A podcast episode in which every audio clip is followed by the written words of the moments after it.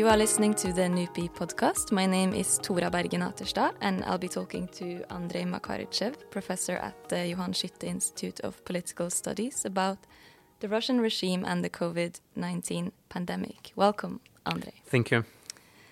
These last few weeks, we've seen records broken every day of daily COVID cases in Russia.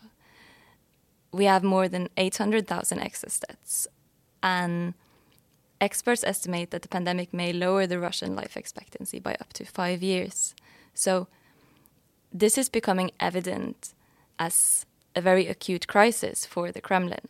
But at the same time, we know that these kinds of shocks also represent political opportunities. Now, Russia illustrates very well, I think, how we as social scientists have to understand the pandemic as something of what the anthropologists call a total social phenomenon, right?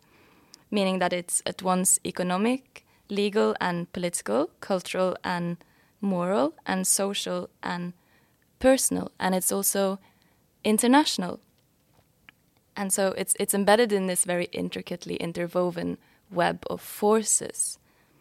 So the next 20 minutes we'll try to unpack this web of forces a little bit and try to to figure out how the pandemic plays into Russian politics at home and on the world stage. And so very simple question first, Andrey. Has COVID changed Russian politics? Well, I would um, start with saying that it uh, it might change Russian politics, and it started changing Russian politics. But I don't know is to what extent those changes might be important and uh, significant. But what is observable right now is that uh, medicine became kind of a new basis, a new foundation for uh, political decisions or non decisions. Uh, we are quite clearly seeing the infusion of medical terminology into political discourses and uh, uh political narratives. And this is something new, uh, not only for Russia, but I think it's a global uh, phenomenon. And again, this is not about just something abstract like uh, institutions or ideologies. This is a very uh, specific type of uh, medicalization of politics because ultimately it is about uh, how to uh, how to control, how to incite people to take care of their uh, of their lives and of, of, their bodies. So basically, human lives and human bodies uh, become an object of uh, different uh, different regulations and different policies.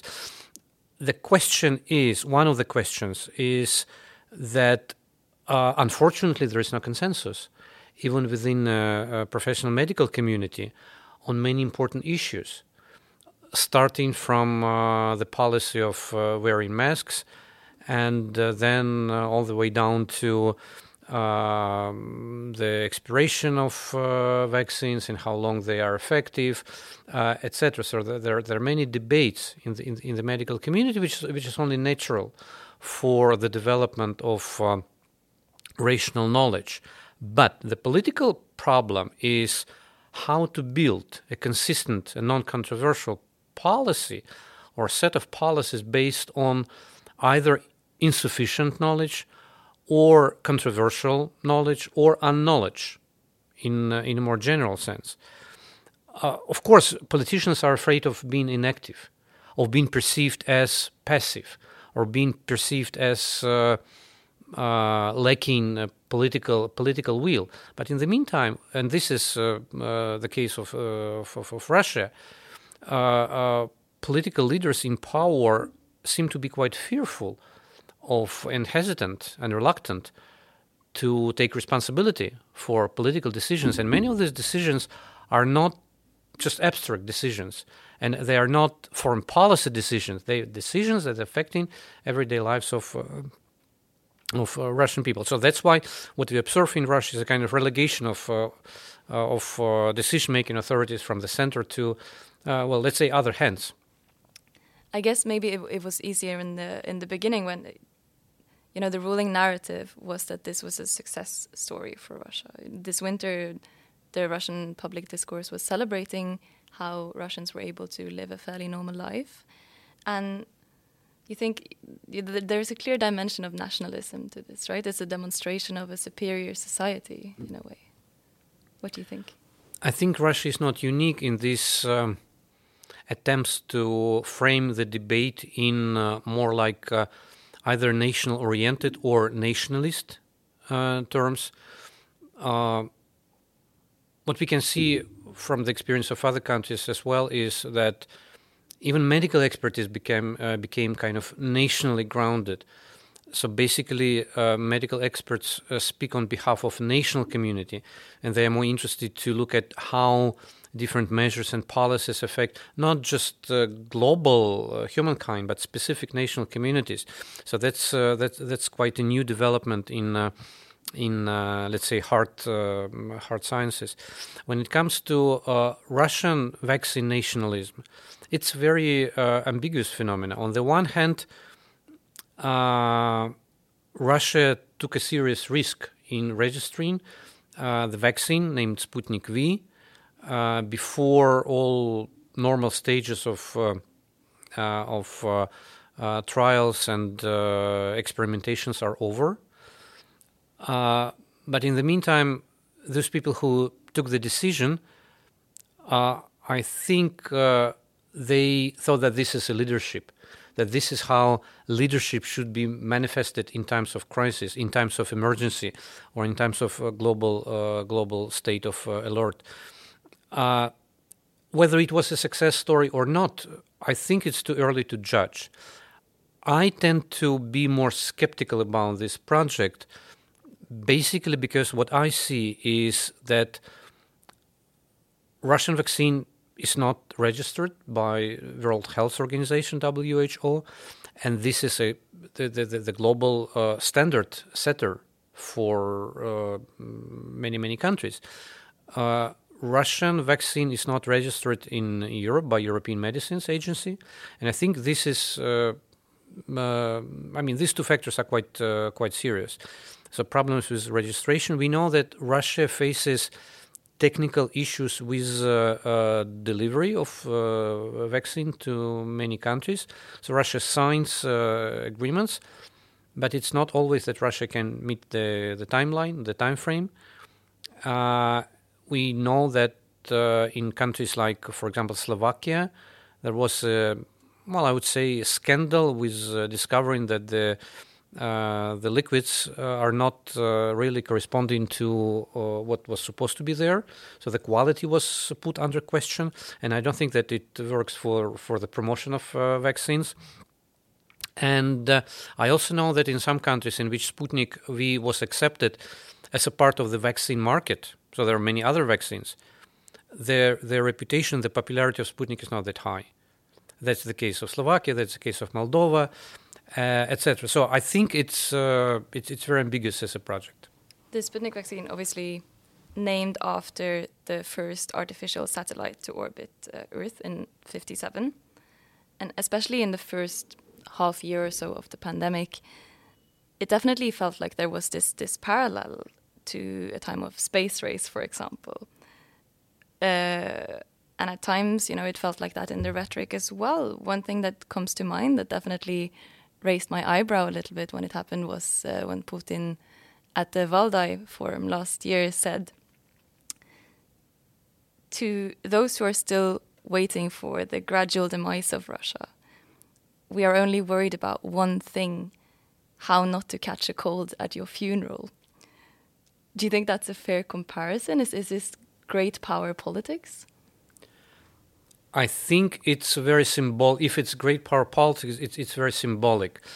Uh, and at this point, I think we should differentiate between discourses. There are many discourses in uh, Russia produced by many um, professionals and uh, journalists and politicians.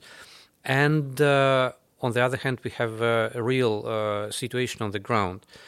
Of course, uh, Russian political elite, the collective Kremlin, they're trying to uh, to take advantage of uh, uh, of the Sputnik V project, and they're trying to differentiate Russia as an exceptional country, as a country that is allegedly less affected by the virus than other countries, the a country that uh, is uh, has a greater immunity or uh, greater resilience to the virus.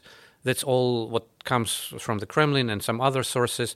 And in the meantime, this uh, attempt to uh, portray Russia as an indispensable power, a power that uh, has a reputation that would be drastically different from uh, uh, what happened in 2014. I mean, Russia is an aggressor. Russia is an uh, unfriendly nation to its its neighbors. So by uh, promoting Sputnik V, Russia definitely tries to rebrand itself, exactly as it tried to rebrand itself uh, before Sochi Olympics or the World uh, FIFA Cup 2018. So it's not the first attempt of Russia to switch narratives from one set of issues to a different set of, uh, set of issues.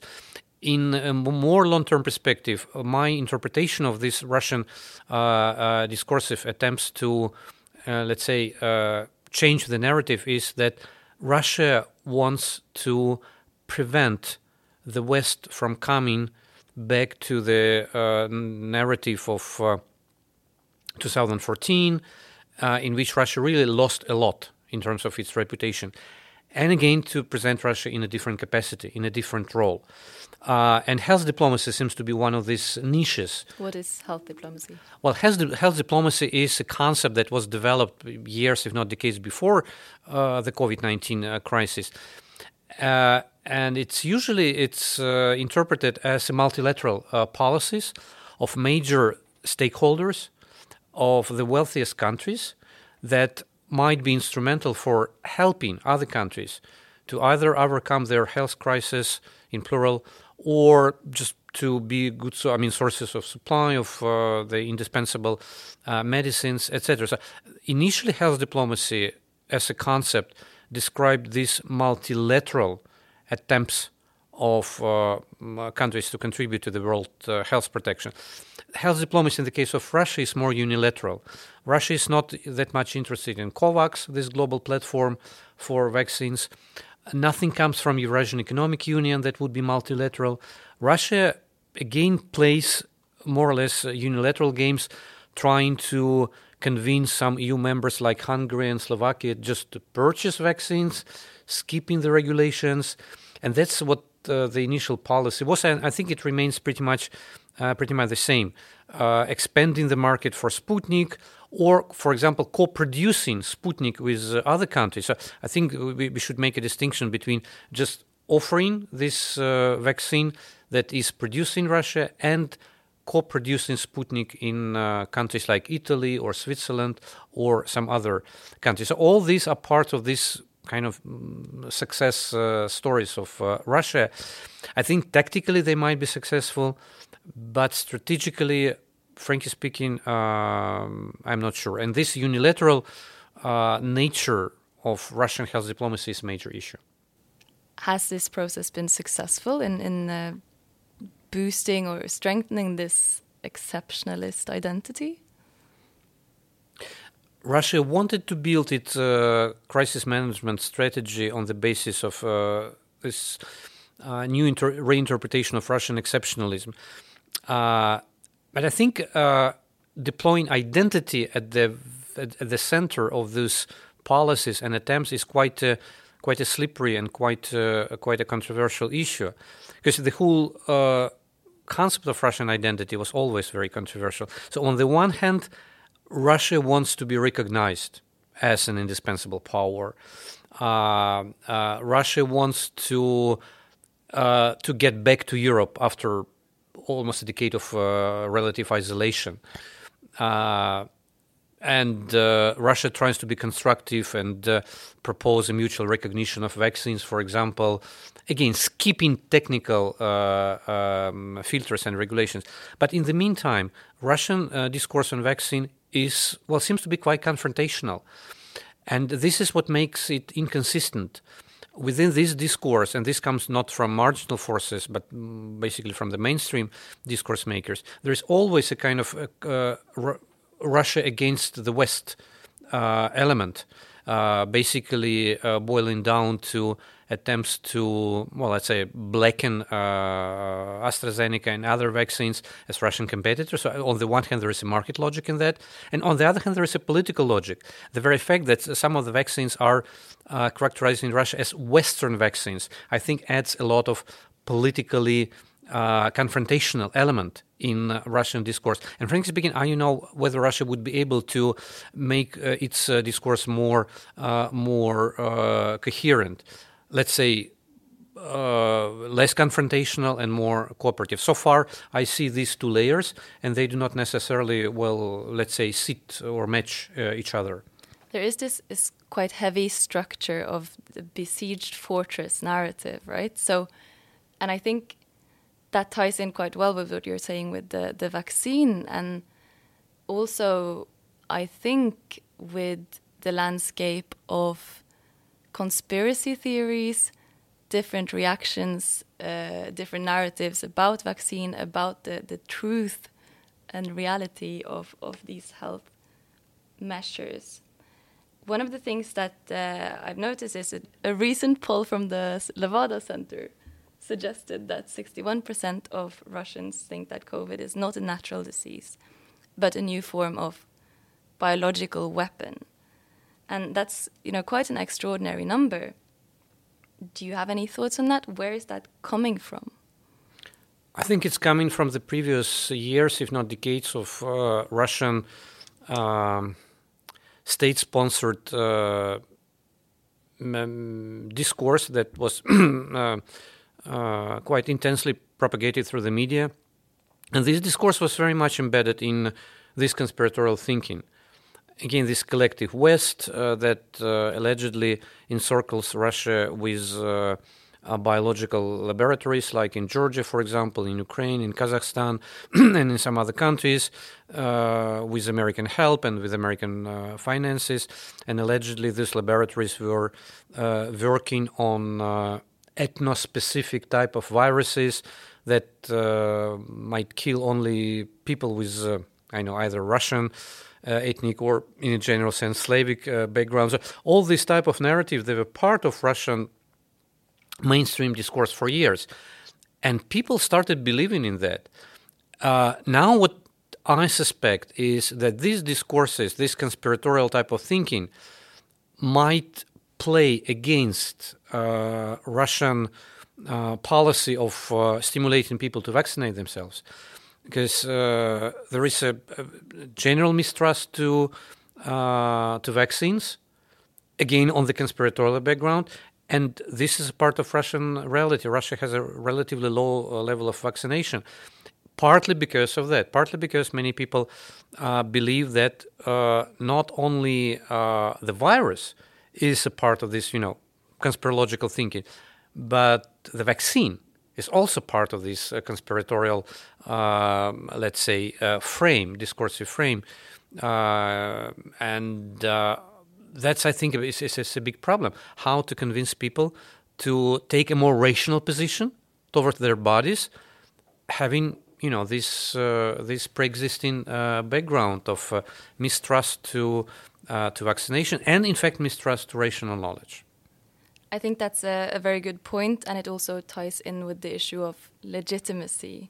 And you know, we know each other through a project called Legitrus on values-based regime legitimation in Russia. And so, before we wrap up, I have to ask, what is this doing for legitimacy going forward? Is this the final straw for Putin's regime? Well, I think uh, when it comes to foreign policy legitimacy, Russia tries to use Sputnik V project as a tool to reinstall uh, Russia as a legitimate force in the world, as uh, as a positive uh, force, as a supplier of something that saves uh, lives, etc. So uh, at least when it comes to again international relations, that's uh, that's uh, quite visible and apparent. When it comes to domestic uh, uh, elements of legitimacy, I think situation is much more complex because what I see observing this modus operandi of of the collective Kremlin in the last couple of years of the crisis is that Putin is kind of detaching himself almost voluntarily, detaching himself from the center of uh, Russian politics. This phenomenon is known uh, from the experiences of other countries as well. Politicians are afraid of taking responsibility. They relegate uh, their the decision-making powers to lower levels of, of, of the government, uh, etc. In liberal states, it's more or less okay but when it comes to uh, an illiberal state that was uh, for years, if not decades, uh, building its uh, political mythology on the basis of uh, unquestionable centrality of the sovereign, the supreme holder of power for everything that happens in this country. And now we see that this mythology is not uh, uh, is not is not relevant, is not valid uh, anymore. In principle, we can imagine Russian uh, anti-crisis strategy without even mentioning Putin. That's that, that's possible. It's, it's, not that we are discarding his uh, uh, his role, but what we're observing is that when it comes to decision-making powers, much more important are other uh, actors, the government and the ministries.